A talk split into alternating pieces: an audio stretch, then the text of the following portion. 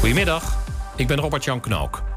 Er zijn vandaag 8000 nieuwe coronabesmettingen. En dat is minder dan gisteren, maar nog altijd veel meer dan vorige week. Vier keer zoveel zelfs.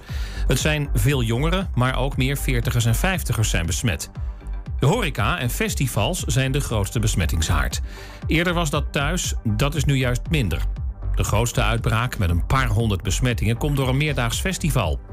Er liggen minder coronapatiënten in het ziekenhuis, maar dat kan zomaar omslaan, waarschuwt het RIVM. Het vraagt jongeren om voorlopig even uit de buurt te blijven van oudere en kwetsbare mensen en zich snel te laten prikken. Utrecht gooit een aantal parken s'nachts weer dicht omdat jongeren daar feest vieren. Ze maken herrie en laten veel afval achter. De overlast is weer toegenomen na de sluiting van de disco's. De parken gaan drie weken op slot vanaf 11 uur s avonds. Beide verdachten van de moord op advocaat Wiersum blijven ontkennen. In de rechtszaak las een van hen een korte verklaring voor... waarin hij garandeert dat hij Wiersum niet heeft doodgeschoten. Ook de vader van Wiersum legde een verklaring af. Hij zei dat de dader geen moreel besef heeft. Morgen komt het OM met de strafeis. Het weer nog. Bewolking, van tijd tot tijd regen. In het binnenland ook kans op onweer. En 19 tot 23 graden is het. En tot zover het ANP-nieuws.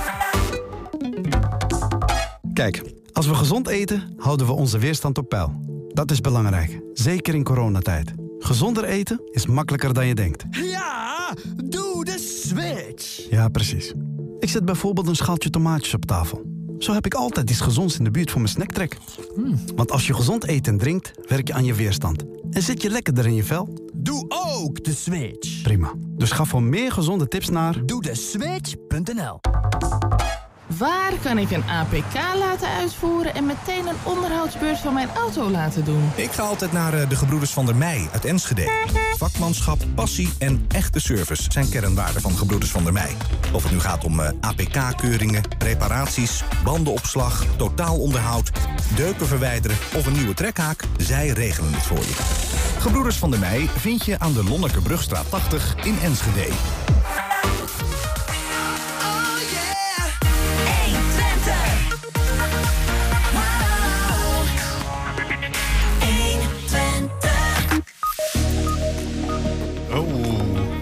Organisatie van Festival haakt aan bij een kort geding tegen de overheid vanwege de nieuwe maatregelen voor festivals. Ja, familievoorstelling Vreemde Vogel strijkt vanaf eind juli neer in de Enschedeze buitenlucht. Oud-journalist Jan Visser die doet een boekje open over de lokale journalistiek. En voetbalvereniging De Tebantes uit Enschede is aangesloten bij een nieuwe maatschappelijk project. Het is dinsdag 13 juli. Dit is 120 vandaag. 120. 1. 120 vandaag. Eddy van Essen is eh, de luis in de pels van de gemeente Hengelo als het gaat over het gevoerde afvalbeleid. Hij is niet zozeer tegen het zogeheten omgekeerd inzamelen, maar wel tegen de manier waarop het de mensen, ik citeer, door de strot is geduwd. Klacht na klacht legde hij neer bij de gemeente, bij de Overijsselse ombudsman en nu heeft hij zelfs aangifte gedaan tegen burgemeester Sander Schelberg. Eddy, goedemiddag. Goedemiddag. We hebben eh, lang getwijfeld of we je wel moesten uitnodigen. En het komt ook een beetje uh, omdat de materie is best complex. Er spelen veel dingen. En we hebben niet heel lang de tijd. En het moet een beetje in Jep en Janneke taal. Gaat dat lukken, denk je? Ja, ik denk het wel. Uh, even correctie. Ik heb niet eigenlijk direct aangifte gedaan tegen, tegen burgemeester Schelberg. Eigenlijk indirect. Mm -hmm.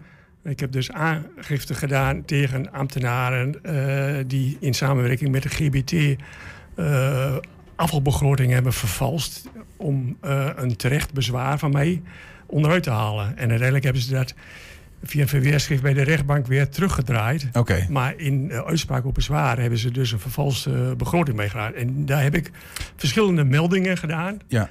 Bij ambtenaren, bij de wethouder, bij de gemeentesecretaris. En daar wordt niks meer gedaan. Nou, als een ambtenaar een melding krijgt van vermoedelijke fraude, is een ambtenaar verplicht om onderzoek te doen. Als Mhm. hij dat niet doet, dan is hij zelf ook in de overtreding. Nou, en dat is dus niet gebeurd. Oké, het wordt nu soms al vrij ingewikkeld hoor, me- merk Nee, ik. Want we hebben het over, ja nou, er zitten wel aardig wat technische eh, eh, eh, woorden bij. Eh, eh, proberen, laten we even beginnen bij het omgekeerd inzamelen. We hebben een aantal dingen. Eh, wat verstaan we daaronder? Nou ja, omgekeerd inzamelen ben ik in principe wel tegen. Ja. Want ik vind het namelijk eh, een achterhaalde techniek. Je kunt veel beter eh, gaan nascheiden. En Mhm. Maar wat betekent het omgekeerd inzamelen? Ongeveer inzamelen wil zeggen dat je naar de inwoners met een afvalzak naar een verzamelcontainer in de buurt moeten lopen. Ja. Dus niet meer, eh, het wordt niet bij de voordeur opgehaald, het restafval.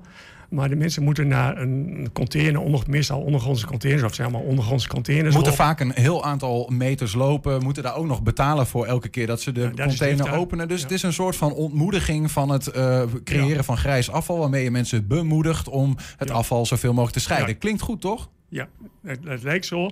Eh, in het verleden stonden ondergrondse containers alleen bij de hoogbouw. Hè, vroeger had je ook blokcontainers. Mhm. En die zijn dan later vervangen door ondergrondse containers bij de, bij de hoogbouw. Ja. En bij de laagbouw had je gewoon de grijze container wordt van huis eh, opgehaald. Ja. Nu, op, op zichzelf zou je zeggen, nou, dat is nog niet zo'n gek idee, zo'n eh, zo'n verzamelcontainer. Maar eh, hoe ver moet je dan lopen? Ja? Hoe, hoe, hoe ver eh, staat hij van je huis af? Nou, in, in het verleden was er een, een landelijke wetgeving. Eh, toen ze dus nog eh, eigenlijk alleen hoofdzaken bij de hoofd, of alleen maar bij de hoogbouw stonden. En dat was 75 meter. Ja? En dan met, met toestemming van de gemeenteraad mocht dat opgerekt worden naar 125 meter. Oké. Die landelijke richtlijn is losgelaten. Mhm. Ja? Dus toen ging Hengelo in de gemeenteraad, eh, ja, we- die ambtenaren, want die komen met dat idee. Ja, we willen omgekeerd inzamelen. Ja, en dan zegt die, die, die ah, gemeenteraadsleden, ja, hoe ver moeten de mensen dan lopen? Mhm. Ja? ja, toen hebben ze gezegd, ja, 250 meter. Ja, maximaal 250 meter. Ja, ja nou, oké. Nou, eh, uiteindelijk is eh, allemaal eh, met, met, met, list en bedrog hoor, hebben ze erdoor, eh erdoor gekregen. Daar kan ik heel boek over schrijven hoe dat gebeurd is. Dat ik maar niet doen. Maar wat hebben ze toen gedaan? Toen hebben ze heel sneaky, hebben ze van die 250 meter brengafstand, hebben ze gemiddeld gemaakt. Ja, en daar kun je dus alle kanten mee uit. Als je gemiddeld. Eh, Ja. want als Dan kan het ook ding voor de 500 deur- zijn aan de ene kant en eh, 100 aan de andere kant. En dan Juist. kom je samen op 250 uit bewijs van uiteindelijk. Ja, Ja. ja. En, De- en, daar ben ik het niet mee eens. Nee, en toen ben ik. eh, en eh, ook de plek van die containers. Ja. Wil je zo'n ding vlak voor je deur hebben? Ja. Nou, die plek van die containers, daar had ik gekeken van hoe, hoe doen ze dat nou in andere delen van Nederland, andere Mhm. plaatsen. En dan konden de mensen konden dan zienswijzen. Dus dat doet de gemeente, maakt een plan, een plattegrond. En die zegt, daar komen die containers. En dan kunnen de mensen zienswijzen volgens de algemene wet bestuur zeggen. Nou, dat deden ze in Hengelo niet.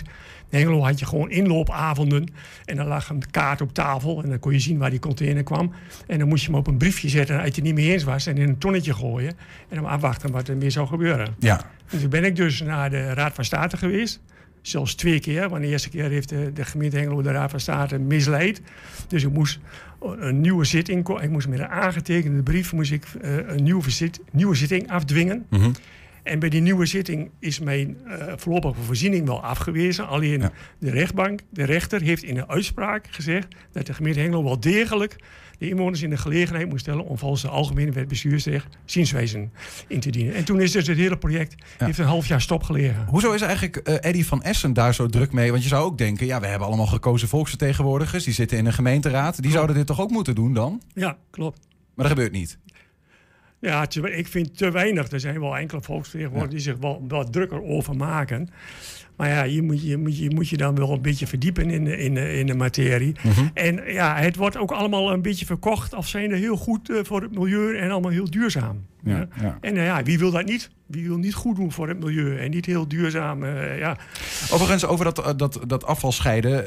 volgens jou is het een soort van linkse gedachte dat je het volk meekrijgt om ze allemaal te laten scheiden. Dat werkt dan wel bij bijvoorbeeld textiel, glas, Ja. dat soort dingen, maar niet bij verpakkingen of Nee, klopt. PMD zoals we dat noemen en restafval. Hoezo niet? Nou, het is gewoon veel te ingewikkeld geworden voor de mensen eh, om, om wat mag Je weet wel niet meer wat, wat, in de verpakking kijk, moet. Eerst mochten er geen chipzakken eh, bij PMD. Nu mag, mogen er wel weer chipzakken bij het PMD.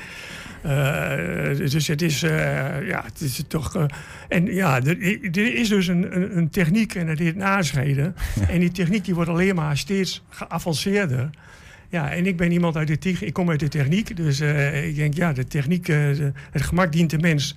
En waarom zou je het zo ingewikkeld maken? Want je moet natuurlijk ook nog textiel, papier, eh, noem maar op, eh, elektrische apparaten. Dus Da- laten als je dat vraagt aan een politicus, dan zegt hij kosten. Vaak. We zijn een weg ingeslagen. Ja, juist- Diftar, dat kost geld. Dat hele systeem opgetuigd. Ja, en nu om nu terug te gaan naar of, eh, na, eh, nascheiding. Ja, dat, dat Ja, kunnen we niet doen. voorschrijdend inzicht. Kijk, in Amsterdam. Er is natuurlijk ook een uh, ja, Havana aan, aan het ei. Ja, daar zijn ze dus ook allemaal. eh, eh, eh, eh, hebben ze ook allemaal van die groene hobby's. Mhm. Eh, maar daar zijn ze zelfs eh, overgestapt op nascheiden. Ja? En dat geldt zelfs voor Utrecht, dat is ook wel een linksbolwerk. Ook daar zijn ze overgegaan op nascheiden. Ja, dus eh, wat jou betreft, Eddy, zouden we gewoon in Hengelo de ehm, afval allemaal in één container en dan zoeken ze het bij Twens maar uit, zeg maar. Alleen het restafval en de verpakkingen. Oké, en voor de rest afval. En de rest kunnen we al scheiden. En de Maar daar waar het ons- onduidelijk is, dat gewoon op één hoop. En dan zorgen dat die andere zaken, dat die dus zo zuiver mogelijk gescheiden.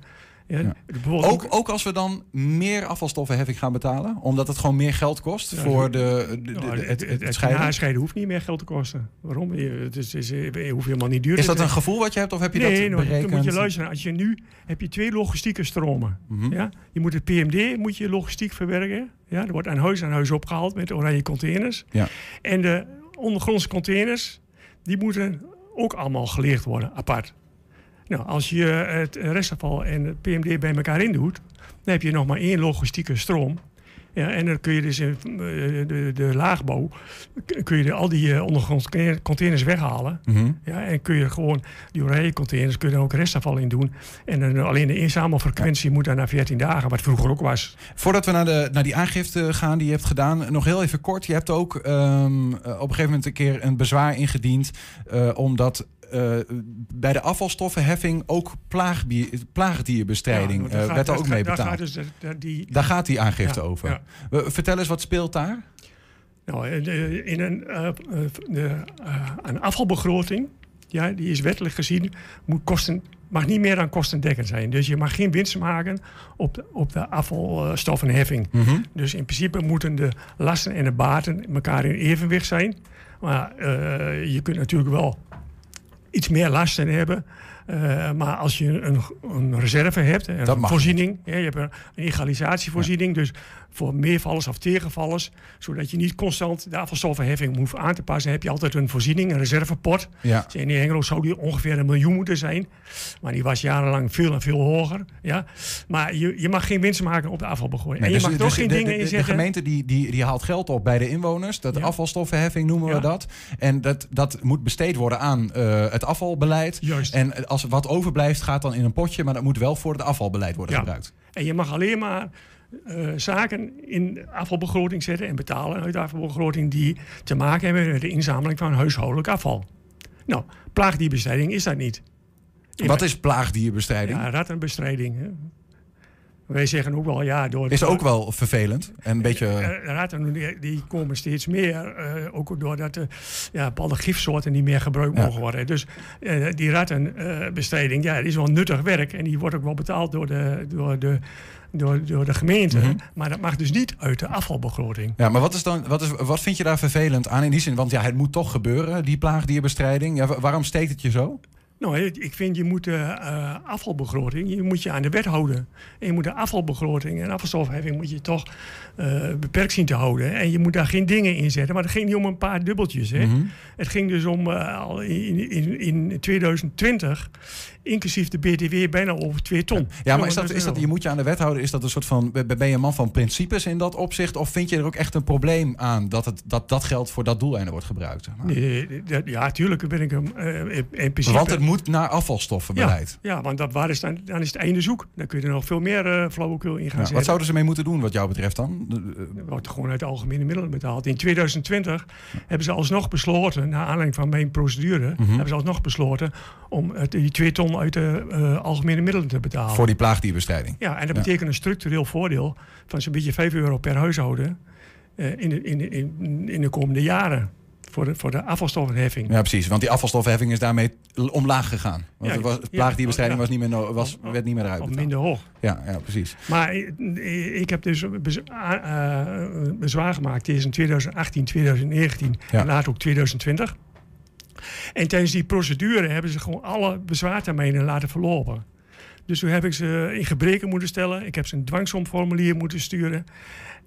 Het GBT, hè? Wat betekent dat dat iemand een bezwaartermijn laat verlopen? Dat ze gewoon niet reageren. Binnen, ik- de overheid moet binnen een bepaalde termijn Ja. antwoord geven. Je dient een klacht in en je kreeg geen antwoord. Nou, ik heb geen klacht. Ik heb bezwaar gemaakt tegen de gemeentelijke belasting. In dit geval de afvalstoffenheffing. Oké, ja. Daar heb ik in maart 2019 ingediend. Mhm. Hebben ze nota bene tot eind van het jaar de tijd om daarop te reageren. Om, om besluit te nemen. Toen hebben ze in eind 2019 hebben ze gebruik gemaakt van de wettelijke bevoegdheid om het met zes weken te verlengen. Dat hebben ze gedaan. En daarna lieten ze niks meer van zich horen. En toen heb ik ze een dwangsomformulier moeten sturen en in gebreken gesteld. En toen heb ik uiteindelijk naar de rechtbank in Overijssel moeten stappen Mhm. om het GBT te dwingen om een uitspraak te doen. Toen heeft het, uiteindelijk heeft het GBT een uitspraak gedaan. Ze hebben de dwangsom over laten lopen tot het maximumbedrag van 1442 euro. Ja. En ze hebben dus in die uitspraak hebben ze dus eh, valsheid in geschriften gepleegd door die, eh, eh, die plaagdieren in 2018 te compenseren met een, een, een, eh, bedachte last van 100.000 euro oninbaat. En ze hebben bedacht van, oh, hey, meneer Van Essen heeft gelijk. Ja, dat laten we niet gebeuren. Dus hoe, hoe kunnen we hem onderuit halen? Toen hebben ze dus 100.000 euro, wat niet betaald is uit de begroting, maar uit een andere pot betaald Mhm. is in de gemeente Hengelo, hebben ze in de afvalbegroting gezet. En dat hebben ze dus in de uitspraak op bezwaar gezet. Ik heb hem bij me, kan het wel laten zien. Ja? Dus toen werd ik in beroep gegaan bij de rechtbank in Overijssel. En toen hebben ze een verweerschrift gestuurd naar de rechtbank. En toen hebben ze het gouden weer uitgehaald. Maar ze hebben niet in het verweerschrift gezegd dat ze dat eruit hebben gehaald. Ze hebben alleen een bijlage erbij gedaan. Mhm. Met een nieuwe begroting. En Ja. daar hebben ze heel sneaky die 100.000 euro er weer uitgehaald. Oké, ik vind het vrij ingewikkeld hoor, Eddie. Heel eerlijk. Ja. Ehm, Ja, ehm, maar het is niet ingewikkeld. Misschien moet ik het even op, op, op, op een langzaam tempo terugluisteren en dan eh, begrijp ik wat, je, wat je zegt. Ehm, maar wat is dan nu precies? Want je, je, hebt, je, hebt, je hebt een soort van aangifte gedaan, maar je hebt die ook gedaan niet bij de politie, maar bij de burgemeester. Is dat een symbolische actie? Mm, ja, min of meer wel symbolisch. Eh, ja, ik, ik doe. eh, en wat ik net zei, als je bij een ambtenaar eh, een, melding doet van Mhm. vermoedelijke fraude, is een ambtenaar wettelijk verplicht om daar wat mee te doen. Vandaar. Dat is gewoon. Een- Wat ja. hoop je dat de burgemeester doet dan? En, en dat doen ze niet. Wat, wat, wat, wat wil je hiermee bereiken nu?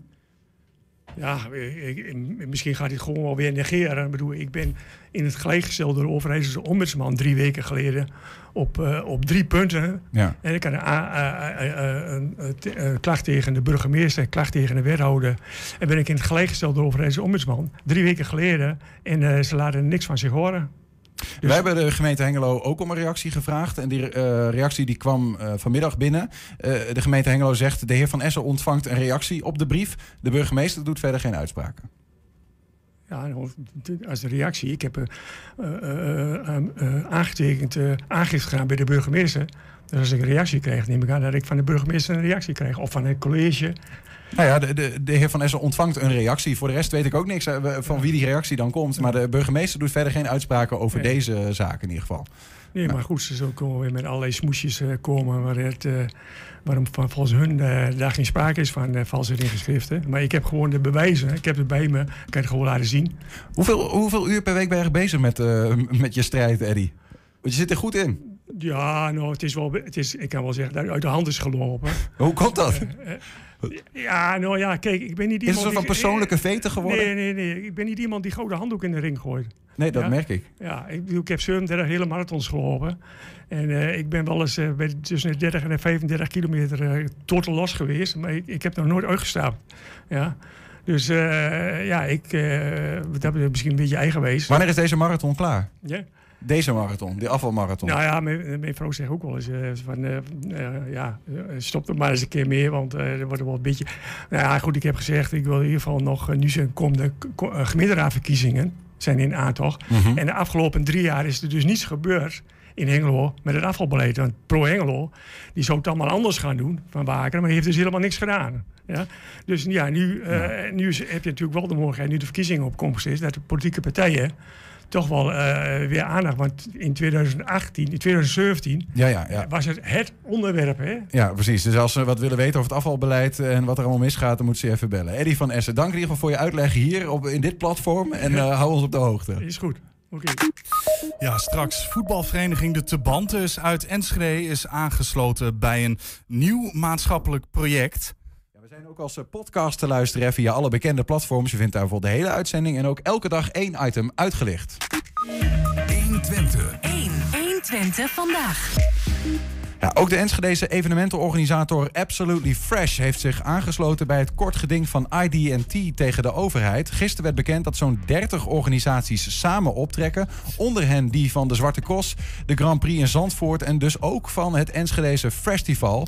De partijen zijn het niet eens met de beslissing van het kabinet dat als gevolg van het stijgende aantal coronabesmettingen alleen nog evenementen zijn toegestaan waar bezoekers moeten zitten. Aankomende vrijdag komt deze zaak om 10 uur voor bij de rechtbank in Den Haag. In de studio is Erik van Oosterbaan. Hij is directeur van Absolutely Fresh eh, uit Enschede, organisator dus van het festival. Erik, goedemiddag. Goeiedag. Hoe voel jij je? Ehm ken je dat liedje een beetje? Van, van voor naar achter en links naar rechts? Zo, gaat, zo voelt het voor ons ook een beetje op dit moment. Ja, Dus, de eh, ouderwetse snollebolk is het dan nog. eh. dat, dat is de nieuwe, ja, de oude wens, de allereerste, zeg maar. Precies, ja. Maar we voelen ons wel redelijk eh, van, van nak op de tak gaan, zeg maar, op dit moment. Maar ben je er ook misselijk van? Eh, ja, in zoverre wel. Dat we ehm ja, zover in voorbereiding waren nu. Dat we er echt vanuit gingen dat we eh, weer gingen knallen in augustus. En dan word je toch weer piepend en kraakt, kom je tot stilstand. En dan daar ben ik wel zeer beroerd van, ja. Maar even voor de goede orde. Festival gaat vooralsnog 13, 14 augustus. Ja, Gewoon maar door, toch? Het, het moeilijke van het verhaal is, zeg maar, tot en met 13 augustus is nu, eh, eh, is nu alles verboden. Tot en met. Tot en met 13 augustus. En Ja. het festival is 13, 14 en 15 augustus. Oké. Dus dat betekent dat wij, en daarna zit je met een opbouwtijd van een week of twee, drie. Dus wij moeten wel eerder weten of het door mag gaan of niet. Dus het is een hele beetje schizofrene, dubbele, kromme, ingewikkelde situatie.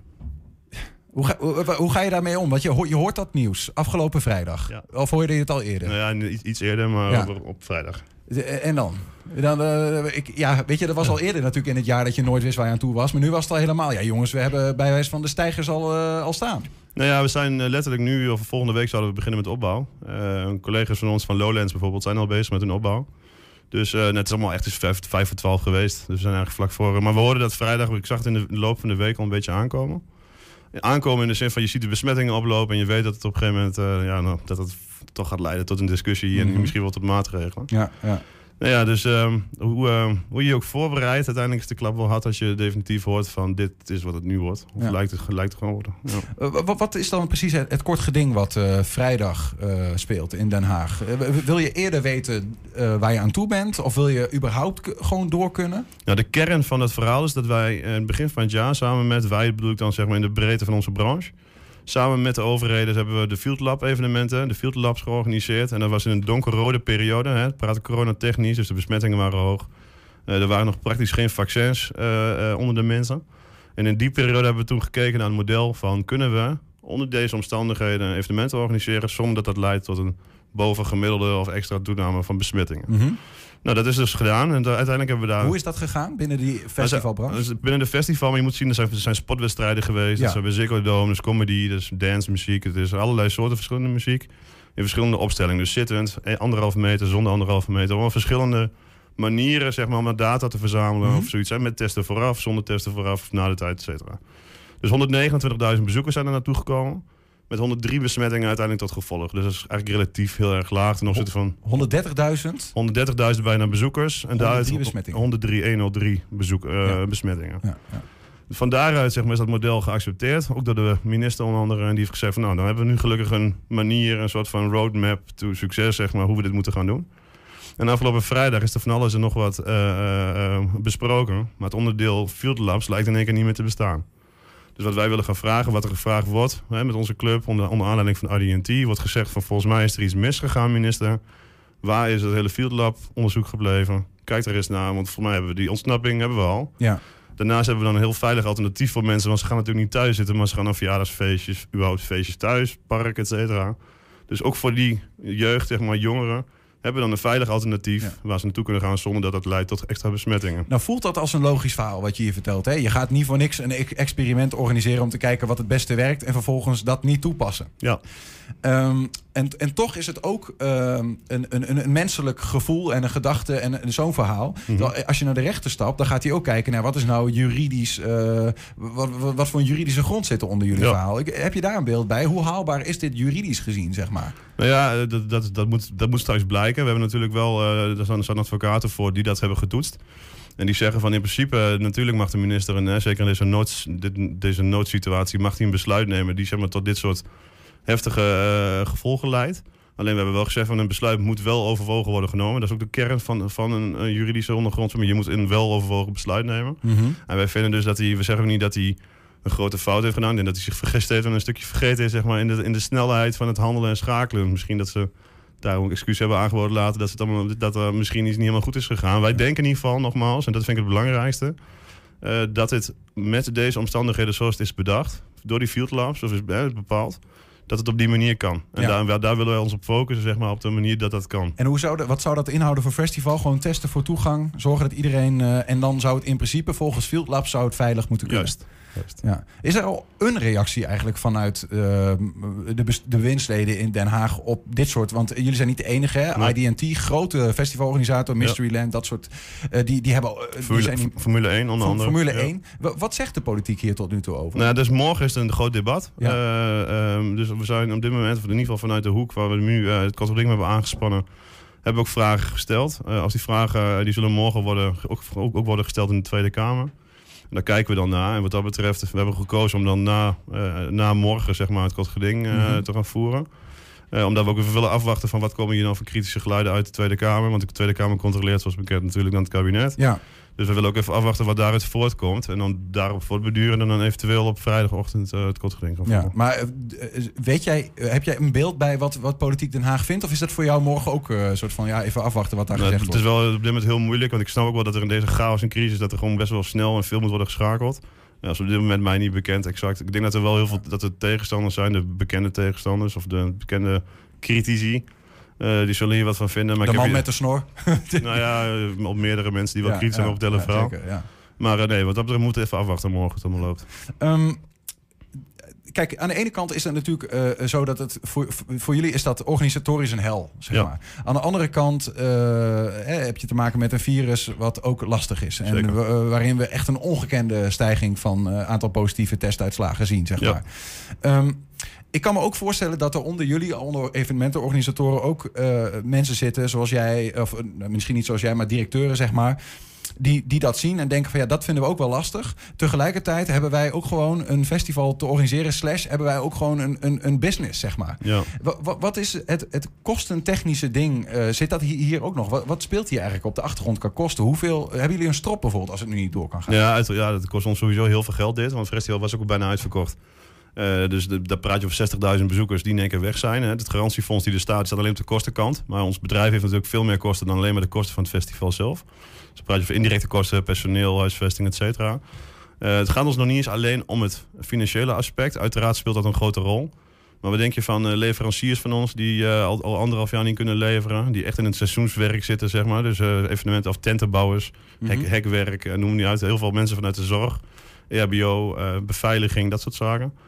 Dus het, het probleem is veel groter dan alleen de festivalorganisatie op zich, maar ook alles wat er omheen speelt. Ja, maar dat gaat, dan, dat gaat dan wel om financiën, toch? Dat gaat dan wel om. Kijk, en ergens eh, eh, beleid maken is natuurlijk altijd een soort van afweging tussen, tussen, tussen verschillende factoren. En Ja. hier is gezondheid is één van de factoren. Die weegt eh, zwaar voor veel mensen.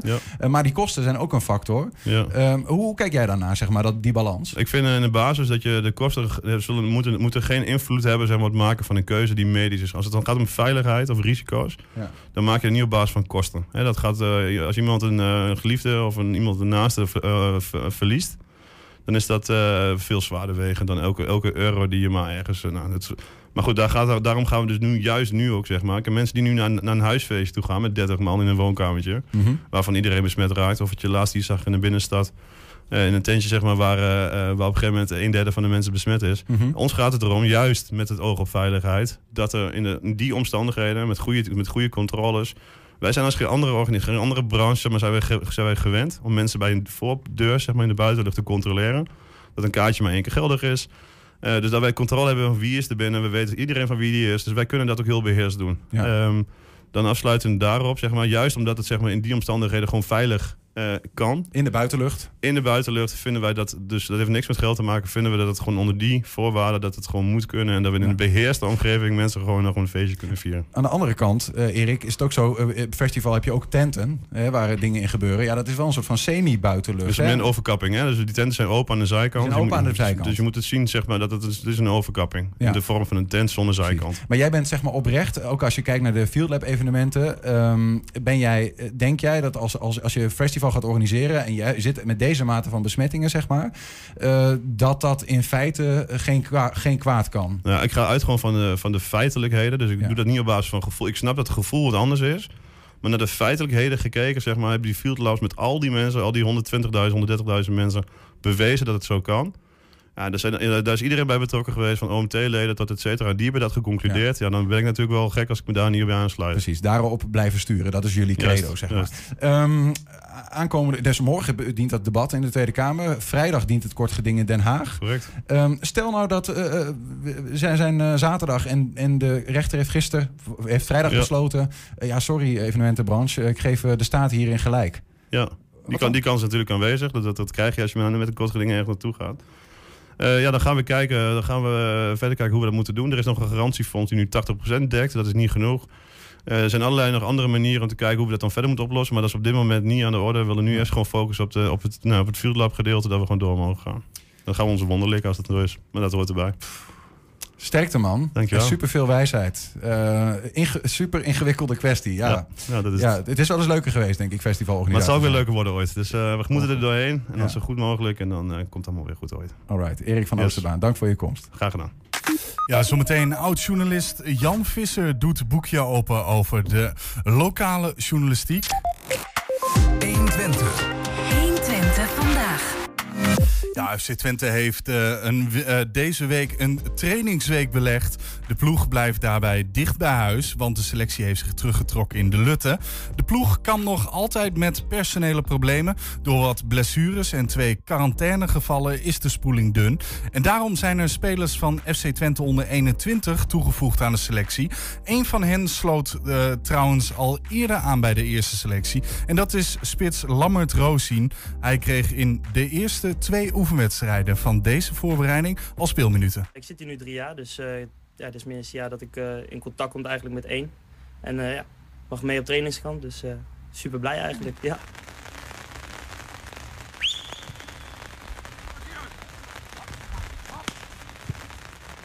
Wat komt er allemaal, allemaal op jou af zo de afgelopen weken eigenlijk een Nou, beetje? toen ik hoorde dat ik eh, mee mocht, dat was op eh, woensdag, eh, moest ik meetrainen al. Iets een paar dagen voor de wedstrijd tegen Sparta. En ehm, ja, ja, ik en mijn vader zaten samen in de auto, dus we waren super blij dat we ja, het nieuwtje te horen kregen als het ware. Dus ja, we waren wel even aan het juichen dat we mee mochten. Dus dat was wel leuk. Hoe onverwachts was dat voor jou? Ehm, nou, onverwachts. ehm, Twente heeft natuurlijk twee, hadden twee spitsen gehuurd. En Danilo ging weg. En ja, dus op een gegeven moment eh, hadden ze sowieso niks meer echt over. En ehm, toen heb ik eigenlijk, ik had drie weken vakantie, heb ik wel doorgetraind met in mijn achterhoofd van wie weet wellicht dat ik mee kan. Dus, eh, en ja, toen kwam het appje eh, na drie weken vakantie. Dus we staan hier. Nou, dan komt die eerste oefenwedstrijd eraan. Ja, je weet dan inderdaad, op dit moment is de spoeling voorin heel dun. Ja. Ehm, reken je dan ook al op minuten? Ehm, nou, er werd gezegd dat ik wel zou gaan spelen. En ja, de tweede, vlak voor de wedstrijd eigenlijk kreeg ik te horen dat ik eh, de tweede helft mocht. En eh, ja, dat was eh, ja, super, hele, alles eromheen. Het evenement zeg maar, wat we gedaan werd bij Sparta Enschede. Ja, dan krijg je zoveel motivatie in één keer meer. Dus dat helpt wel. En een doelpunt meteen op je naam. Ja, daar was ik ook super blij mee. Hij moest komen. Eén afgekeurde goal. En één keer ging ik één op één. En ja, toen werd ik aan het shirtje getrokken. Dus ik was echt verbitterd op dat moment. En hij moest er zo vallen. Dus ik ben blij dat hij uiteindelijk is gekomen. Toen was zelfs Ron Jans ook even naar de scheids aan het kijken van... hé, hey, dit is toch een Ja, welgebroken speler? Ja, maar dat was ook echt het eerste moment dat ik kon scoren gaan. En het zat ook gelijk in mijn hoofd toen ik werd, eh, aan mijn shirt werd getrokken van... nee, hij pakt mijn eerste goal hier af. Dus eh, ja, dat was wel even... eh, maar ik ben blij dat, hij, dat ik heb gescoord. Ja. Ehm, ook tegen HSC eh, heb je minuten gemaakt. Toen Ja. spraken wij de trainer even na de wedstrijd. Kwam jij te sprake? Heb jij dat toevallig eh, Ja, ik heb hem meegekregen. Maar hij wa- had me al ingelicht voordat het interview online stond. Oké. Want eh, hij zei van, ja, ze begonnen over je. Hij zei, maar ik heb wel gescoord dat je twee goals moest maken. Dus daar was hij wel kritisch over. Kansen moeten gewoon in helemaal spits zijn. Dus ja, ja dat is... Dat Ja, is- hij zei ook, die ruimte heeft hij ook nog wel. Je bent jong, maar inderdaad, hij had Ja. mooi dat hij heeft gescoord tegen Sparta. Hij had er ook al meer kunnen maken. Hoe kijk je daar zelf dan naar? Nou, ik, eh, ja, ik ben wel jong, maar dat is, eh, natuurlijk, eh, ik vind wel ook gewoon dat hij gelijk hebben en dat er twee gewoon in moeten. Ehm, helemaal dat je weet dat je eigenlijk... eh, ik had eh, tot zaterdag en dan eh, zouden ze opnieuw gaan kijken van ga je mee op trainingskamp of niet en hoe de situatie is. Nou, uiteindelijk toch op trainingskamp meegemogen, maar ik weet gewoon, je hebt niet super lang natuurlijk om aan te passen. Dus je moet er gewoon vanaf het moment staan.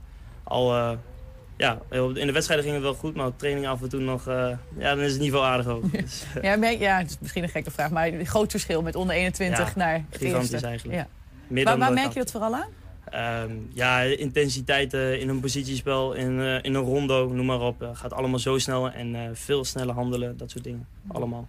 Die zijn na die eerste twee oefenwedstrijden en, en meetrainen, was eigenlijk dus even de vraag: gaan we even weer opnieuw kijken Ja, of je afgelo- trainingskamp? op trainingskamp? Afgelopen zaterdag, hij had me eigenlijk al eerder gemeld. Hij dacht dat hij dat had gezegd, maar eh, ik eh, ging, kwam toch nog even naar hem toe van eh, trainen. Ik weet, ik weet eigenlijk nog even niks. Zei hij, ik dacht dat ik je al lang had gezegd. Ik zei, ik vroeg nog, heb je een koffer? Maar ja, ik heb dat helemaal niet meegekregen. Misschien ook te druk, dus wie weet. Je zat onnodig langer in spanning Ja, eigenlijk. onnodig lang in spanning. Dus tot zaterdag afgewacht. Maar toen was de spanning ook aardig van, van mag mee. Was het ook een soort van even weer een tussenevaluatie naar hoe je dan die eerste twee wedstrijden en die eerste trainingen Ehm, had gedaan? Nou, voor mezelf weet ik dat ik dan eh, de twee wedstrijden prima heb gedaan. En eh, ja, ik mag mee op trainingskamp en dan mag je natuurlijk ook niet zomaar. Dus Nee. eh, ik denk dat ik ja, mezelf wel goed laten zien dat ze een prima beeld hebben van hoe ik ben. Nog even terug over dat interview dat wij met Jans hadden na HSC. Want inderdaad, het ging over die, die, die kansen die je ook nog had kunnen maken. Maar hij had het ook over, natuurlijk ook positieve punten benoemd. Ja. Eh, eh, dat jij iemand bent die veel rent, veel gaat. Ehm, herken jij je daarin? Ja, heel erg. Ja. Eh, heel, eigenlijk best wel echt een harde werken. Dus echt veel, veel lopen, veel meters maken, veel druk zetten. Dus eh, dat is wel iets hoe je mij echt kan omschrijven. We zaten net een beetje te grappen toen we de microfoon op Ja. de goede hoogte aan stellen waren. Zei ook, ik ben niet heel groot. Nee. Als centrumspits, ehm, ja, heb je daar soms... Ja, Ja. nadeel van klinkt meteen misschien heel negatief. Hoge maar, ballen natuurlijk, eh, Ja. ja. die moeten meer eh, vallende ballen zijn bijvoorbeeld. Ja. Maar ehm, ja, bij de onder 21 eh, valt dat er nog wel mee. Maar, ehm, en dan ben ik eigenlijk zeg maar, balvast. En dat hier, ja, je komt tegen echte kerels te staan. Dus dan moet je echt aanpassen en nog sterker zijn. Helemaal omdat je ook niet zo groot bent. Normaal heb je een groot lichaam waar ze dan omheen moeten. Dus ik moet aardig opboksen tegen, die, eh, tegen de grote kerels. Wat voor een spits ben jij dan? Is dan ook misschien te makkelijk gedacht? Dan ben je dan dus niet zo'n kopper, bijvoorbeeld? Ja, nou, niet zo'n koppen. Nee, nee eh, ja.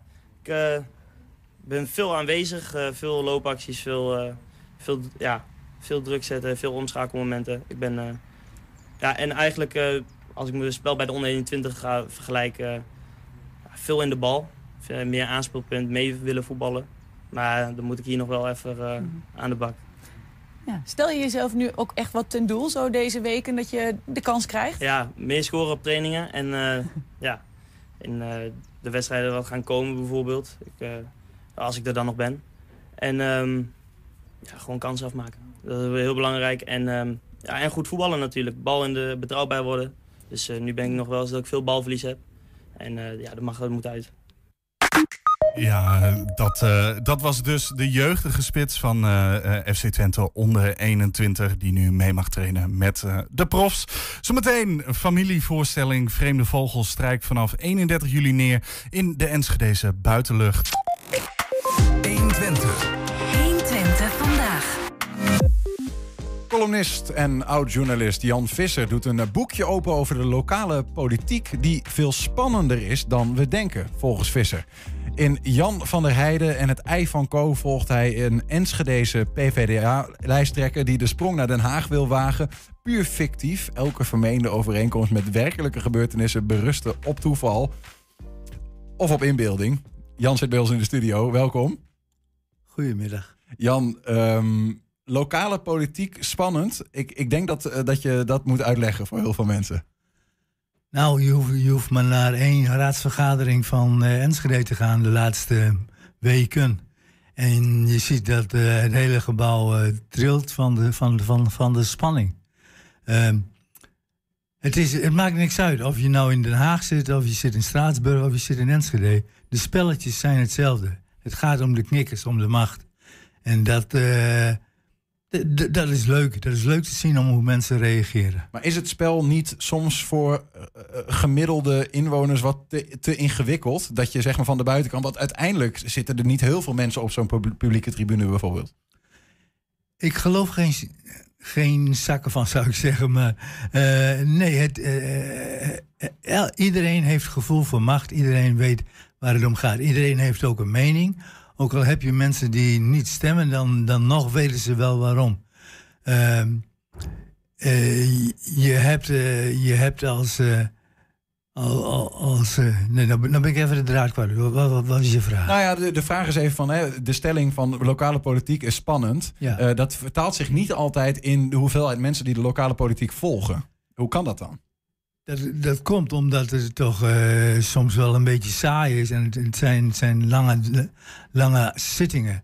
En, eh, want je ziet ook aan de raadsleden, om, om een uur of elf worden ze onrustig.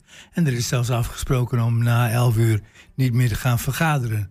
Maar eh, politiek op zich, in de kern van de zaak, is hartstikke belangrijk. Is ook belangrijk dat het goed gebeurt.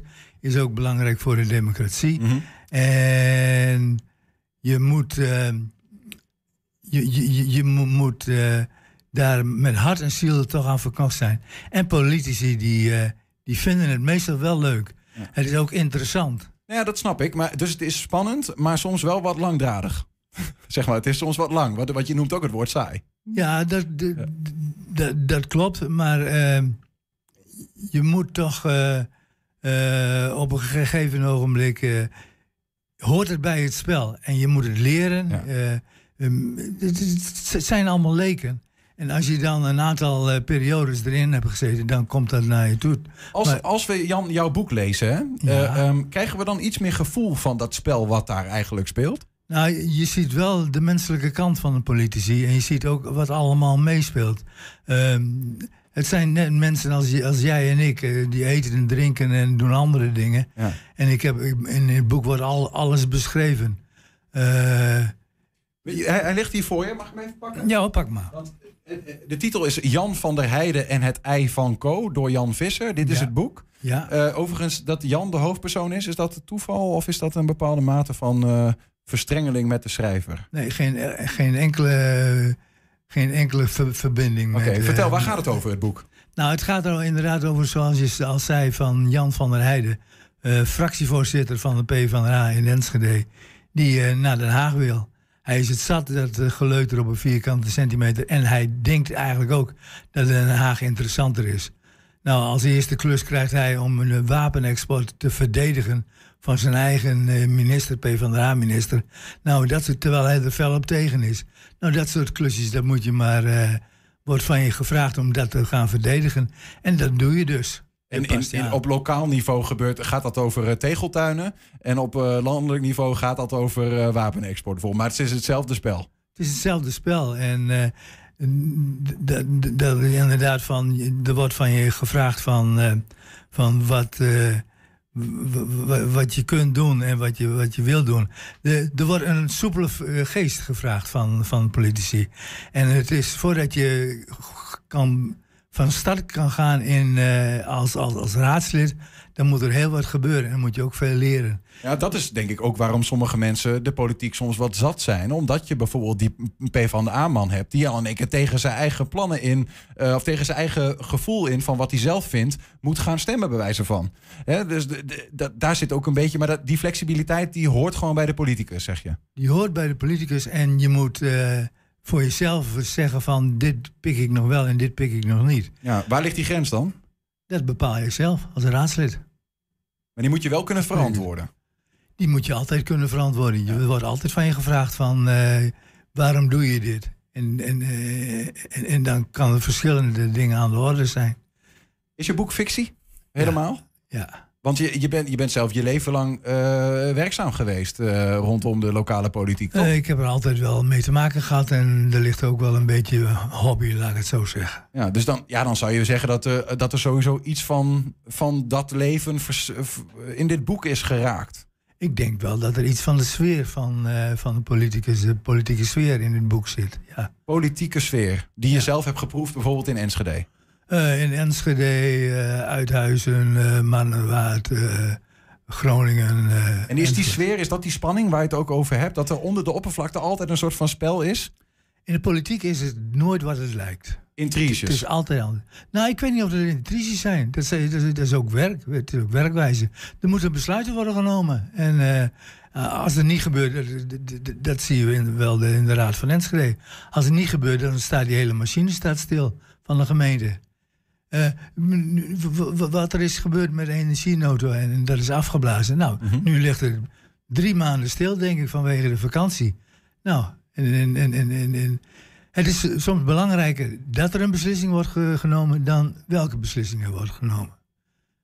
Ook als die beslissing is, we gooien die hele energievisie van tafel. En dat is ook een eh, beslissing. Ja, ja. je uiteindelijk is doen. altijd alles een beslissing. Ook geen beslissing maken is een beslissing natuurlijk. Ja, dat Ja. klopt. Ja. En dat kan je ook bewust doen. Wanneer ben je zelf betrokken geraakt bij de lokale politiek? Eh, toen ik eh, journalist werd en eh, ik heb rechten ge- gestudeerd, ik heb politicologie gestudeerd. En toen, in, in, in die periodes ben ik, was ik journalist bij, in Noord-Groningen ben ik begonnen. Winschoten Courant heb ik voor gewerkt. Kijk, dat is mijn geboorteplaats. Nou, en, en ik ben begonnen als, als leerlingjournalist bij het Nijsblad. En dan weet jij wel wat, dat Nou, is. ik heb er twee weken gewoond, Jan. Dus wat dat betreft eh, ken Twee ik, weken? ik- ja, ken ik de regionale krant hier beter, zeg maar. ja, ik heb niet zo lang in, eh, in Winschoten ge- gewoond, maar... eh, Ja- Jan Mulder komt er ook weer. Ja, dat is waar. Nee, maar want, want op een gegeven moment, je, je gaat dan in die. Ja, je hebt dan ook al politicologie en rechten blijkbaar gestudeerd. Dus dan weet je misschien al wel iets van het spel. Maar heb je het ook zelf moeten leren in de eerste instantie toen je die lokale journalistiek inging? Ja.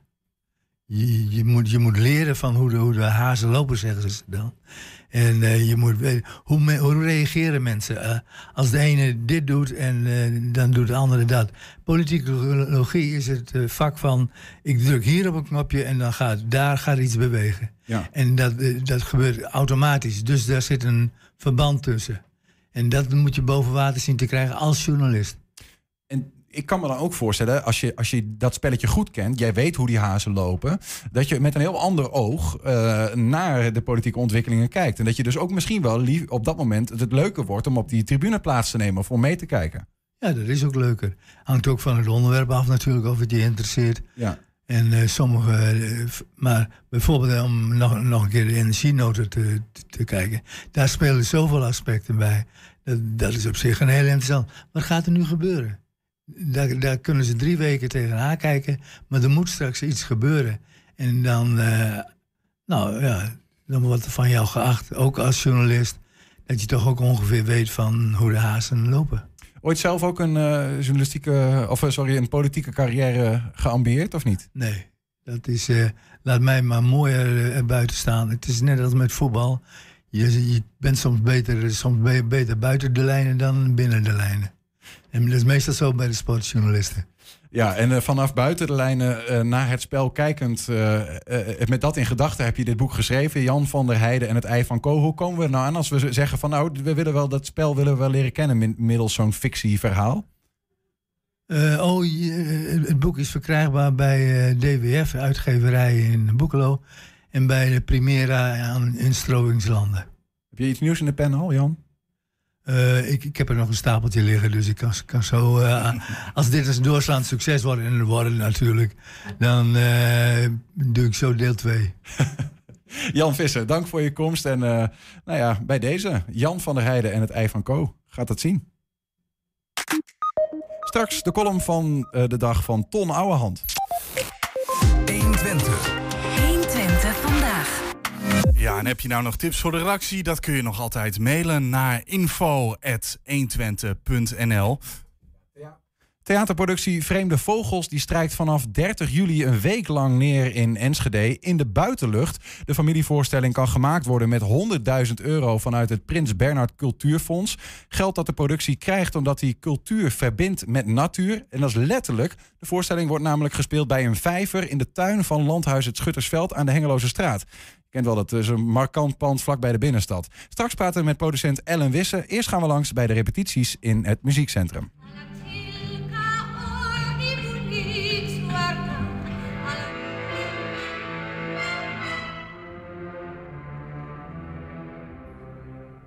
Hoi, Ik ben eh, Emiel de Jong en ik mag Johannes de Parkiet spelen. Dat is deze, met een pruik en een verschitterend mooie blauw pak. Parkieten zijn blauw. En eh, dat mag in de mooie voorstelling, familievoorstelling Vreemde Vogels. Ik, ik ben Johannes. Johannes Cornelis Boersma de Eerste. Ik woon hier nu zo, nou ja, god, wat zou het zijn? Ik denk acht jaar. Dit is mijn, eh, dit is mijn kooi en daar staan nog eh, verder hier nog meer van die tralies omheen. Dit is zijn kooi, ja. En hij heeft een baasje, Gijs. En hij heeft het al jaren... Hij weet niet beter dan dat hij alleen is. En als je niet beter weet dan dat je alleen bent... dan voel je je ook niet eenzaam. Want alleen is gewoon alleen. En uiteindelijk heeft zijn baasje een volière gebouwd. Uh, dus zijn kooi wordt opeens uh, vele meters groter. En komen er verschillende vreemde vogels. En dat vindt hij nogal lastig. Zoals wij ook mensen kunnen daarin kunnen herkennen. Ehm, dat je dat soms lastig vindt. Van, hé, hey, wat, wat, wat voor... Ik, kan niet, ik versta ze niet. Ze doen anders. Ze zijn anders. ze komen te dicht bij mij in mijn buurt. Dat is een beetje...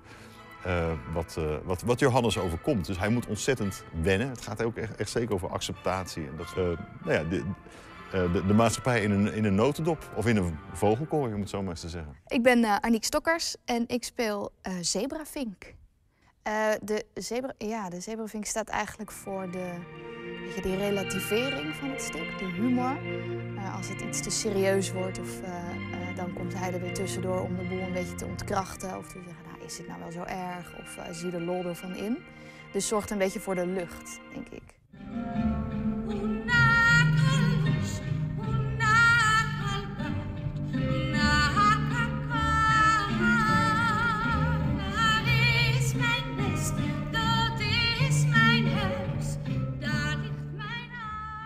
Het is naar aanleiding van het boek van Mark, Mark Heijma, wat een goede vriend van me is. En hij maakt heel veel prentenboeken. En ik vind, het leuke aan Mark's boeken vind ik altijd dat ze voor een relatief jong publiek zijn, maar dat altijd wel deze thema of een geëngageerdheid erin zit. Dus een thematiek die actueel is. En uh, hij heeft ook over homoseksualiteit, hij heeft over uh, dementie en van alles en nog wat heeft hij gedaan. Dus dat vind ik wel belangrijk, dat je op een luchtige manier toch iets aankaart, ja. Hoe kom je van zo'n boek tot een theaterstuk? Um, nou, dat heeft Mark gedaan. Mark heeft het uh, geschreven. Uh, dus hij heeft zijn boek geschreven. Toen kregen we hier, uh, wonnen we de subsidie hier, zal ik maar zeggen.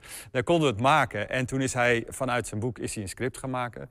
En toen hebben we steeds overlegd van, nou, dat is, moet erin dat moet erin. Want het wordt natuurlijk veel uitgebreid, zo'n prentenboek heb je eigenlijk natuurlijk in tien minuten verteld. Dus, uh, en toen heeft Mark liedjes geschreven, Jan Kistjes, componist is erbij gekomen, Joris van Veldhoven die de decor heeft gemaakt.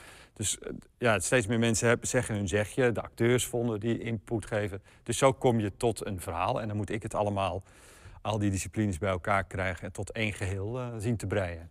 Ik ben Dennis de Groot en ik speel de moederkloek in Vreemde Vogels daar zie, bij kinderen zie je altijd zoveel makkelijkere denkwijzes. En die, komt iemand nieuw in de klas en dat is eigenlijk gelijk een vriendje of vriendinnetje. En als er dus eh, bij volwassenen is dat eigenlijk gelijk een veel groter probleem. En uh, ja, daarom denk ik dat het heel goed is dat er zo'n stuk is waar kinderen en volwassenen samen dan dit zien. En uh, ja, misschien daar een lering uit kunnen trekken. Of, nou, zo zwaar moet je het helemaal niet zien. Maar dat ze er in ieder geval over gaan hebben. En dat het, ja, Johannes zegt ook een keertje, wennen is iets wat gewoon gebeurt. Je kan wel zeggen dat je gaat wennen, maar het gebeurt eigenlijk gewoon. En volgens mij is dat, uh, is dat in de samenleving ook echt zo. Ja, tot zover die beelden van die repetitie uh, vanmiddag. Nog druk in de weer daar. We praten nog even verder met producent Ellen Wisse. Ellen, welkom. Ja, dankjewel. Het begon allemaal, je hoorde dat al een beetje, bij een boek van Mark Haaiema, Vreemde Klopt. Vogels. Ja, een prentsboek. Um, wanneer dacht je als producent van, hé, hey, dat boek, uh, dat moet een theatervoorstelling worden en dat moeten we hier gaan doen, hier in, in Oost-Nederland. Oost ja. ja, op een gegeven moment um, komen verhalen bij elkaar. Um, wat in, net in de reportage al naar voren kwam, is dat Mark Haima niet alleen het boek heeft geschreven, maar ook de scriptschrijver is van, uh, van deze voorstelling. hij heeft met een aantal mensen om zich heen, waaronder uh, Joris van Veldhoven, het plan ontwikkeld om hier een voorstelling van te maken. Mm -hmm. Dus om dit uit het kinderboek te trekken en te gaan spelen. Um, dat verhaal dat hoorden wij. En uh, dat was eigenlijk tegelijkertijd met dat het Cultuurfonds de tender opende. Uh, dus de, de subsidiepot van, de, van een ton. Ehm, en die twee verhalen hebben wij samengevoegd. En we zeiden, dit verhaal past in de natuur, past bij dit plan. Eh, dus laten we dit gaan indienen bij het Cultuurfonds. Nou ja, dus die, die, die 100.000 euro die uiteindelijk eh, door een pitch eh, van jullie, die blijkbaar goed genoeg was, is gewonnen. Ja. Zoals Joep het zei, de regisseur. Ehm, die was ook essentieel voor dit stuk. Zonder die 100.000 euro had het niet gekund. Nee, nee, zeker. Om een voorstelling te maken, dat kost vrij veel geld. Daar heb je gewoon een stuk voorfinanciering voor nodig. Ehm, en ja, deze ton die hielp ons om dit te kunnen maken. En eh, de voorstelling het land in te brengen of de provincie. Voor het eh, Cultuurfonds was eh, de voorwaarde dat de, dat de, dat de voorstelling natuur en cultuur verbindt. Ja. Nou heb ik daar wel een beeld bij, maar hoe, hoe doe je, op welke vlakken doe je dat precies met die voorstelling? Nou, wij, ga- wij hebben voor deze voorstelling gezocht naar plekken midden in de natuur. In Enschede is dat landgoed Schuttersveld geworden. Ehm, dat is weliswaar midden in de stad, maar doordat er een heel mooi park achter ligt, eh, wat heel goed en mooi is onderhouden, eh, waan je je volledig in de natuur. Ehm, en wat wij- We hebben een plaatje van, want eh, daar kun- hebben we een beetje een beeld. Want dit, Ja. we zien dat niet vaak. Hè. Vanaf de Hengelostraat zie je alleen maar dat pand vlak bij de binnenstad. Hè. Ja. Ehm, en daarachter ligt dus een vijf, maar daar- daarachter gaat het gebeuren Ja, mij wij, gaan spelen tussen het, het huis en de vijver. Ja. Zeg maar. Dat is precies voldoende ruimte voor ons om daar onze, ons decor en de voorstelling op te bouwen.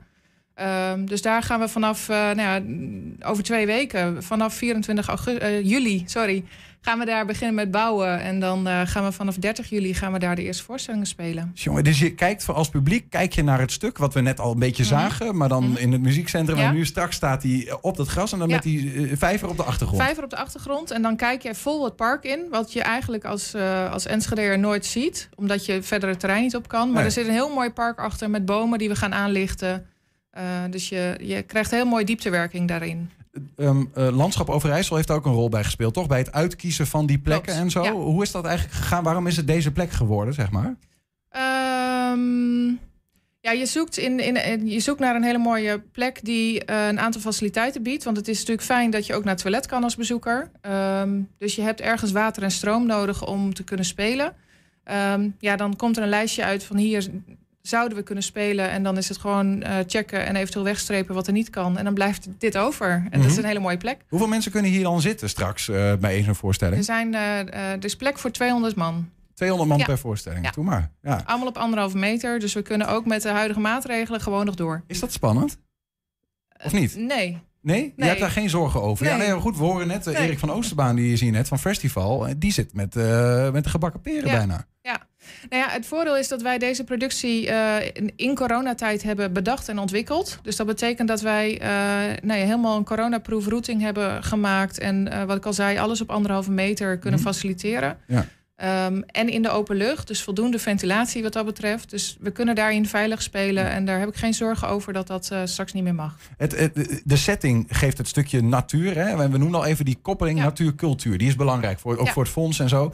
Ehm, waar, waar uitzicht die cultuur dan in? Waar zit dat allemaal in? Ja, het is de voorstelling en het thema van de voorstelling. Het gaat over wennen aan het vreemde. Eh, wennen aan misschien wel andere culturen, andere mensen die hier komen wonen. Eh, in de voorstelling andere vogels die vanuit andere landen komen en eh, nou ja, anders eten, andere veren hebben, anders zingen. Mhm. Ehm, hoe ga je daarmee om? En dus cultuur eigenlijk in de, in de breedste zin van het woord. Niet alleen ehm, als een voorstelling, maar ook verschillende culturen die gaan mengen. Was dat voor jou als, als producent ook, ook een reden voor, om die voorstelling hier naartoe te halen? Dat thema op zichzelf, zeg maar? Ja, het is natuurlijk super actueel nu. Ehm, ik maak graag voorstellingen waar een actueel thema in zit. Eh, anders hoef je het niet op dit moment op deze locatie te doen. Dus Ja. ja, ja dat kwam, wat ik al zei, dat kwam bij elkaar en dat was heel fijn. Ja. Dus er staat ergens in een van jullie berichtgevingen staat ook Johannes de Parkite, die hoofdrolspeler is volgens de maker een fabel die onze menselijke samenleving verbeeldt en eh, tegelijkertijd een spiegel voorhoudt. Ehm, en, en toen dacht ik, eh, ja, wa- waarom is het eigenlijk goed dat we ons evenbeeld zien, vind jij? Nou, dat je ook eens even ehm, kan reflecteren op jezelf. En eh, we willen niet gelijk een, eh, nou ja, met een vingertje gaan wijzen van hé, hey, eh, dit gebeurt er, of dit, dit gaat niet goed, dat gaat niet goed. Maar toch eens eventjes laten zien van hoe dingen ook kunnen gaan. En mensen wat aan nadenken zetten naar de voorstelling. En als je naar huis gaat en je gaat niet nadenken, dan mag ook. Je mag ook gewoon een hele leuke, gezellige avond hebben gehad. Maar het is mooi als er een aantal mensen toch even nog met een boodschap naar huis gaan. Is alles al in kannen en kruiken voor, eh, voor vanaf, want het begint in Enschede, 30 Ja. juli, eh, eerst wat try-outs en dan eh, de, de, de voorstellingen. Klopt, ja. Ehm, is alles voor elkaar al? Want het is nogal een, een productie die opgebouwd moet worden. Ja, nou, we zagen net in de reportage zagen we Dennis de Groot als moederkloek. En die heeft een heel kipperleger, eh, neemt hij met zich mee. En we hebben nog wat ruimte voor eh, mensen die het leuk vinden om daarin mee te spelen en mee te dansen. Dus Maar je kunt meedoen ook ja, echt. zeker, als kip. Dus mocht je nog ambities hebben.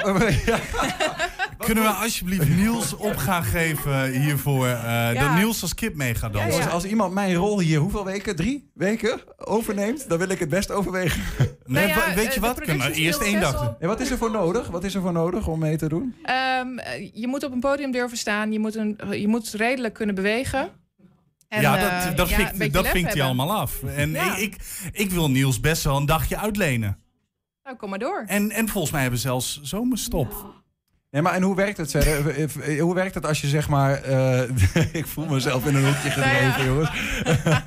nee, maar doe je dan die volle drie weken mee? Of is het dan ook Nee. dat... eh, Ja, dat mag natuurlijk. Maar eh, jij zegt drie weken, we spelen zes weken. Sorry, we zes gaan, eh, weken. tot en met 12 september gaan we door. ja. Ehm, dus dat is een hele periode. En daarvan verwacht ik niet dat mensen elke avond weer vol hun kippenkostuum aandoen en ehm, mee, eh mee tokken. Maar mocht nee, je het leuk mag- vinden, mag- kun je... Mocht je het leuk vinden, dan, dan ben je van harte welkom om twee keer mee te doen. Maar ook om twee weken of eh, zes weken mee te spelen. ja, waar kunnen we dan terecht? Eh, via de website van het Wilming Theater, daar eventjes eh, naar mailen. info.wilmingtheater.nl Heb ik nog één vraag tot slot. En dat is natuurlijk de classic als het om theaterstukken gaat. Ehm, eh, eh, kaartjes. Hè?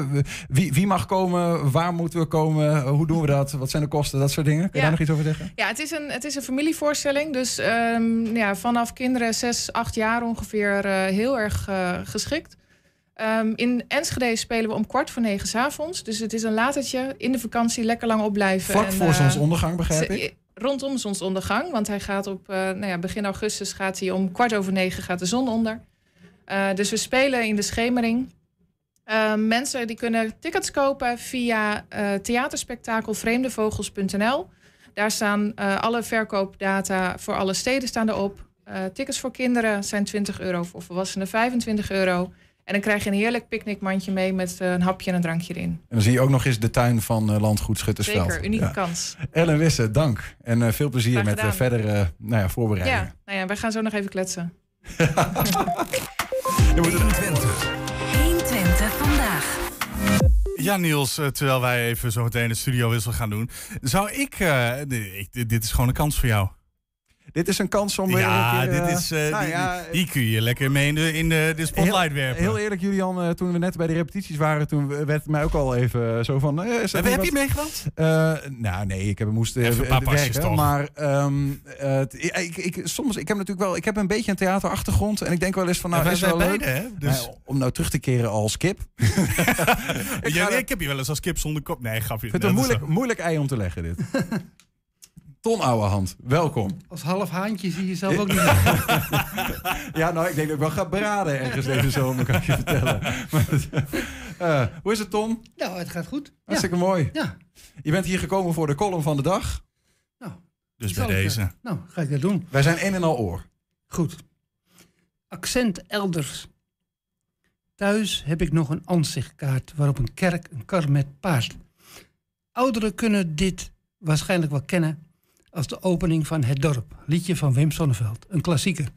Maar de eerste zin klopt al niet. In het dagelijks leven zeg je namelijk ansichtkaart, terwijl de melodie je dwingt hier om ansichtkaart te zingen. Fout woordaccent dus. Als je op deze melodie in de eerste zin per se het woord ansichtkaart wil gebruiken en je wilt een aanzet maken tot nostalgie, doe dan één ansichtkaart die heb ik thuis, die raakt me diep tot in mijn kruis. Zoiets. Foute woordaccenten zijn brevetten van onvermogen van de tekstschrijver en of de componist. En die komen helaas heel vaak voor.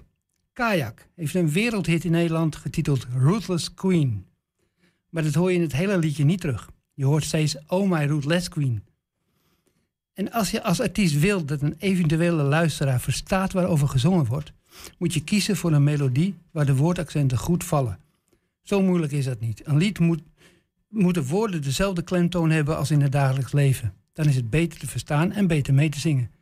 Met, alle, met een aardige bijkomstigheid, de luisteraar accepteert grote onzin ook. Neem André Hazes. Ik bedoel niet die bij het kruidvat werkt, maar zijn vader.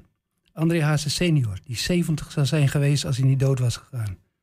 Bij zijn taalgevoel kun je vraagtekens zetten, maar zijn woordaccenten klopten altijd. Kijk voor de aardigheid eens wanneer je de uitdrukking met bloed, zweet en tranen zou moeten gebruiken. Dat doe je als je na een enorme inspanning iets hebt bereikt.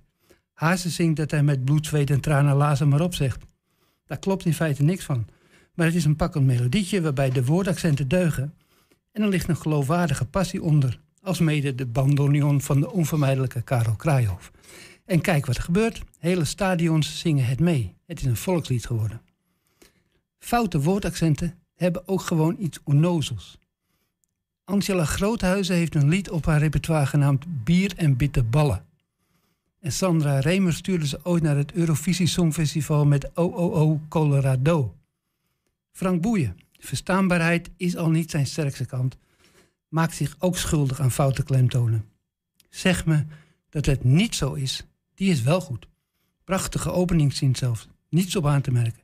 Tweede zin, zeg me dat het niet zo is. Precies dezelfde woorden waarmee de eerste zin wordt bevestigd en je voelt de wanhoop stijgen. Prima. En als de derde zin ook was geweest, zeg me dat het niet zo is, hadden we misschien wel een pareltje te pakken. Maar wat doet meneertje Boeien? Hij denkt drie keer hetzelfde, dat is een beetje veel. Hij flanst in de derde zin het woordje waar naar binnen. En dat is direct het belangrijkste woord van die zin. Maar omdat er niets aan de ritmiek gedaan wordt, komt het accent niet op waar te liggen, maar op het verder niks zeggende is. Als hij zegt, zeg me dat het niet waar is, helpt hij de opgebouwde sfeer om zeep. Want waar is, dat is carnaval, dat is min, waar is mijn feestneus? Ook fout. 15 miljoen mensen op dat hele kleine stukje aarde. Het woord is miljoen. 1500 mensen op het hele kleine stukje aarde is met deze melodie oké. 15.000, 100.000, allemaal goed. Maar zo gauw het in de miljoenen gaat lopen, moet je voor andere ritmiek kiezen of voor een andere melodie, waar het accent wel goed valt. Anders wordt het als je bewust een verkeerde klemtoon lanceert. Dat kan leuk zijn. Wat de Bee Gees deden bijvoorbeeld, To Love Somebody, dat is Engels voor van iemand houden, weet alleen nog niet precies van wie. Maar als je het laat zingen met de klemtoon op body, dan zing je To Love Somebody. Dan gaat het over het liefhebben van een een of ander lichaam. Dat vind ik wel grappig. Zeker als je zo'n zelfgenoegzame, tot in de vezels gefrustreerde zangeres als Nina Simone zo gek krijgt om dat te gaan zingen. Daar zullen de broeders Kip een mooi flesje wijn om hebben opengetrokken. Maar verder ben ik fel tegen verkeerde klemtonen. Ik speelde zelfs met de gedachte om te kijken of je foute woordaccenten in de muziek zou kunnen laten beboeten. Volgens mij kun je daar best wel een wet voor bedenken. Maar goed, dat moet voorlopig via Grabberhaus. En die zag ik laatst in een van die vreselijke reportages van de van jazzmisbruik verdachte Jair F. Daar stond Grapperhaus met een zelfbedacht liedje. Zeg mondkapje, waar ga je heen? Naar het vuil, naar het vuil. Iedereen weet dat je mondkapje uitspreekt met het accent op de mond. Klemtoon plat op de bek, zoals in Twente zeggen. Door dat mondkapje was mij al duidelijk dat die wet er voorlopig niet in zit. We zullen het zonder moeten doen deze zomer. Met bloed, zweet en tranen dan maar. Misschien dat het wat draaglijker wordt met voldoende bier en witte ballen. De column van Ton Ouwehand. Ja, of is het nou Ton Ouwehand? Ton, uh, ton Ouwe... Wat je wel in ieder geval met zekerheid kan zeggen... is dat dit het einde was van 120 vandaag. Terugkijken, dat kan direct via 120.nl. Vanavond 8, 10, 12, volgens mij onder twee uur op televisie te zien. Zometeen hier in ieder geval Henk Ketting met een gloednieuwe kettingreactie. Wij zeggen in ieder geval tot morgen. Ja, ik wou tot morgen zeggen, maar ik had nog niet klaar. Maar nu wel. 120. Weet wat er speelt in Twente. Met nu het nieuws van 4 uur. Goedemiddag, ik ben Robert-Jan Knook. Er zijn vandaag 8000 nieuwe coronabesmettingen. En dat is minder dan gisteren, maar nog altijd veel meer dan vorige week.